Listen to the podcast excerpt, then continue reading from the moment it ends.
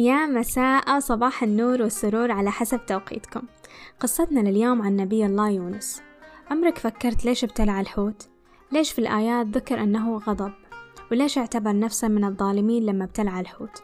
وإذا كنت تدري أن نفس المسمى في الآيات بذا النون فما معنى النون؟ خلونا نبدأ من البداية النبي يونس انولد في العراق وتحديدا في نينوى عاد وقتها كان أهل نينوى يعبدوا الأصنام فبعث الله لهم نبي الله يونس واللي كان ينادى بينهم بين بعض يعني بيونس ابن متى ويرجع نسبه إلى بنيامين أخو نبي الله يوسف عليه السلام. بدأ نبي الله يونس في الدعوة وحاول بكل الطرق والوسائل إن ترى يا جماعة الخير اللي قاعدين تسووا ما هو صحيح وإن هذه الأصنام حجر ما ينفعكم ولا يضركم. بس أبدا ولا كان قاعد يتكلم وما حد اقتنع. توقعوا إن من أصل مية وعشرين ألف شخص في المدينة. إحنا قاعدين نتكلم عن مية وعشرين ألف شخص. كم واحد آمن؟ اللي آمنوا في النهاية كانوا اثنين بس. بعد مرور سنوات من الدعوة قالوا بعضهم أنه وصلت إلى ثلاثة وثلاثين سنة وهو يدعوهم. هنا النبي قال خلاص أحس أن أنا سويت اللي علي. بس قبل لا يتمم يأسه من قومه حبة واحدة راح للشخصين اللي آمنوا به وقال تعالوا بستشيركم واحد منهم كان عابد متنسك واسمه تنوخة والثاني كان عالم مؤمن ويملك من الحكمة الكثير كان يسمى بروبيل اجتمع نبي الله يونس معاهم قال اسمعوا ترى أحس أني سويت اللي علي وحاولت في القوم وايد أنهم يؤمنوا بالشيء اللي رب العالمين أرسلني به. بس ما حد آمن. فش رأيكم أني أدعي عليهم بالعذاب وخلاص؟ تنوخ العابد قال تدري أنا وياك ترى. أحس خلاص ما منهم رجع. فدعي عليهم خلي يأخذهم كلهم. بس روبيل قال له لا لحظة هدي. الحين إذا نزل العذاب ينزل على نص نص ولا ينزل عليهم كلهم؟ قال للنبي لا طبعا بينزل عليهم كلهم. قال له روبيل إنه طيب ترى مو كلهم مستحقين للعذاب فيهم أطفال وفيهم أهلك ترى. قال نبي الله يونس وإن كانوا أهلي أنا حاولت أهديهم وما نفع. فالعذاب صاروا مستحقين خلاص. روبيل الحكيم ما اقتنع. وقال للنبي ترى ما مر وقت طويل على الدعوة. يعني أنا ما أدري كيف ثلاثة وثلاثين سنة قليل بالنسبة له. بس المهم قال له عادي يعني دبل المدة وين المشكلة؟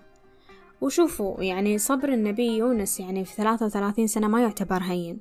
خصوصا انهم كذبوا وآذوه يعني مو بس ما آمنوا. يعني لو إحنا مكانه ما ظني نكمل أسبوع ترى. نبي الله يونس عليه السلام قرر يسمع كلام العابد تنوخة ويدعي على القوم بالعذاب. وهو عموما يعني كان مايل لهذا الرأي من البداية. وفعلا دعا الله ينزل عليهم العذاب. فقال رب العالمين ترى مو كلهم مستاهلينه؟ إذا أنت دعيت عليهم راح يصب عليهم كلهم بلا استثناء. بس نبي الله يونس كان مصر على أن العذاب صار وقته وهذا الشيء كان من غضبه عليهم لتعديهم وجرأتهم على رب العالمين وإنكارهم لوجوده. وقتها لأن دعاء الأنبياء مستجاب استجاب لرب العالمين دعاءه. قال لرب العالمين أنا استجبت لك دعائك ولكني بعطيك علامات قبل نزول العذاب يعني عشان تعطيهم خبر على الأقل وعلم بهالعلامات. طلع نبي الله يونس للسوق وقت اجتماع الناس يعني وزحمتهم. ووقف في النص. قال لهم يا جماعة ترى أنا دعيت إن العذاب ينزل عليكم وعلامة وجوهكم تصفر يوم وتسود يوم ثاني وينزل عليكم غيم أسود ورياح قوية ودخان يغطي مدينتكم كلها. ما بتشرق عليكم شمس يومها. وراح تشموا بعد رائحة الكبريت.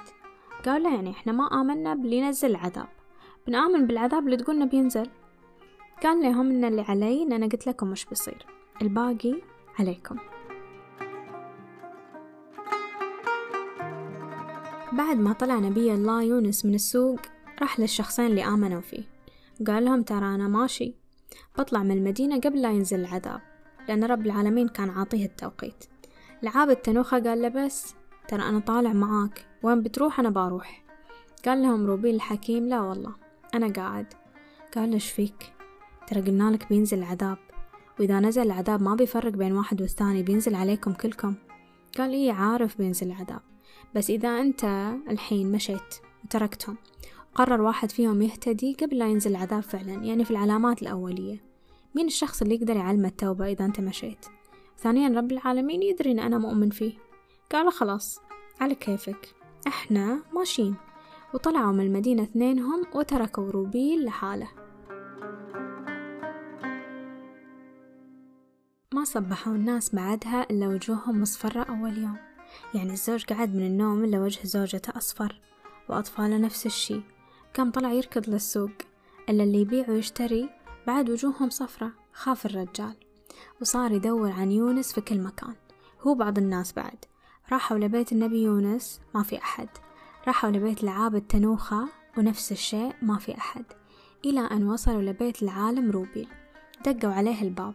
قال الحقنا قال إيش فيكم؟ صار؟ قال دورنا على النبي يونس في كل مكان ما لقيناه ترى خلاص نبغى نتوب.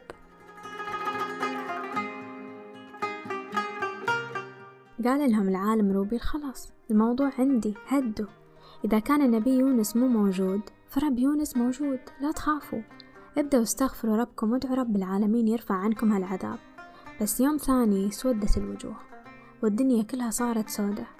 غير الدخان اللي غطى المدينة كلها بسطوح البيوت وما عاد للشمس وجود. هنا الناس بدأت تربط بين اللي قاعد يصير فيهم واللي قاله نبي الله حقهم. وقتها الناس من الخوف يعني حتى الأمانات والمديونيات رجعوها لأهلها اللي بس يا رب يفرج عنها الكرب. كانوا كلهم مجتمعين عند روبيل بس عشان يعلمهم التوبة. قالهم روبيل فرقوا بين الأمهات وأطفالهم وحتى الحيوانات يعني عشان يضج المكان بالدعاء والاستغاثة بالله. عشان بس يرفع عنه العذاب وفعلا هذا اللي صار. بعد وقت من دعاهم بدت السماء تصفى والشمس رجعت وصارت الحياة رغيدة وقتها. يعني قوم النبي يونس هم الوحيدين اللي رب العالمين رفع عنهم العذاب بعد ما كتب عليهم. أما الأقوام الباقية اللي بعثت لها الرسل لما يقع العذاب ما يرفع خلاص إلا قومه. في الآية إلا قوم يونس. النبي كان قاعد مع العاب التنوخة وبعد ما مروا يومين قرر يروح للمدينة وكان متأكد إن كلهم ماتوا خلاص. بس لما قرب من المدينة شاف راعي وكان نبي الله يونس متنكر فراح وسأله إن أخبار قوم يونس؟ قال أبد جاهم العذاب وآمنوا ورفع الله عنهم. هنا الآية كانت وذنوني إذ ذهب مغاضبا. ألعاب التنوخة كمل مشواره المدينة. أما النبي يونس دار ظهره المدينة وراح للساحل وكان تركه المدينة وراه من غضب. إن اللي سووه القوم كانوا يستحقوا عليه العذاب. وصل للساحل وشاف سفينة محملة وبتمشي. فطلب منهم إنه ياخذوه معاهم وفعلا ركب معاهم السفينة. لما توسطت السفينة البحر طلع لهم حوت. صار يضرب الأمواج القريبة من السفينة بذيلة كذا مرة يعني كان متعمد يبغى يطيحها. فاللي في السفينة قالوا ترى شكله في واحد مأثوم. اللي عليه إثم خليه يطلع لأن الحوت مو راضي يخلينا في حالنا. أو إن إحنا عشان ننجو لازم نضحي بواحد فينا فخلونا نسوي قرعة. خلونا بس ناخذ يعني معلومة بسيطة. قرعة أيام قبل ما كانت بالورق زي ما كنا نسوي وإحنا صغار. ولا بالبرامج زي ما تطورنا الحين كانت تتسوى بالأسهم. فبدوا سووا القرعة أعادوا القرعة ثلاث مرات وفي كل مرة كان يطلع سهم النبي يونس. فوقتها قال لهم خلاص بنزل البحر. وهنا نزلت الآية. فساهم يعني اقترع بالأسهم فكان من المدحضين أي كان من المغلوبين. نزل نبي الله يونس في البحر. وابتلعه الحوت مباشرة بعد أمر من رب العالمين. بس قال لرب العالمين ترى نبي الله يونس مو أكل لك يعني ما هو طعام لك ولذلك لا تأذيه لا تأذي فيه شعره بس ابتلعه داخلك. واختلفت المدة اللي قالوا أن نبي الله قضاها في بطن الحوت. قالوا تسع ساعات قالوا ثلاث أيام أو سبع أيام وصلوا إلى أربعين يوم. وقتها نزلت الآية لا إله إلا أنت سبحانك أني كنت من الظالمين. كان في تسبيح النبي يونس فرجنا من الظلمات الثلاث وهي ظلمة الليل وظلمة البحر وظلمة بطن الحوت.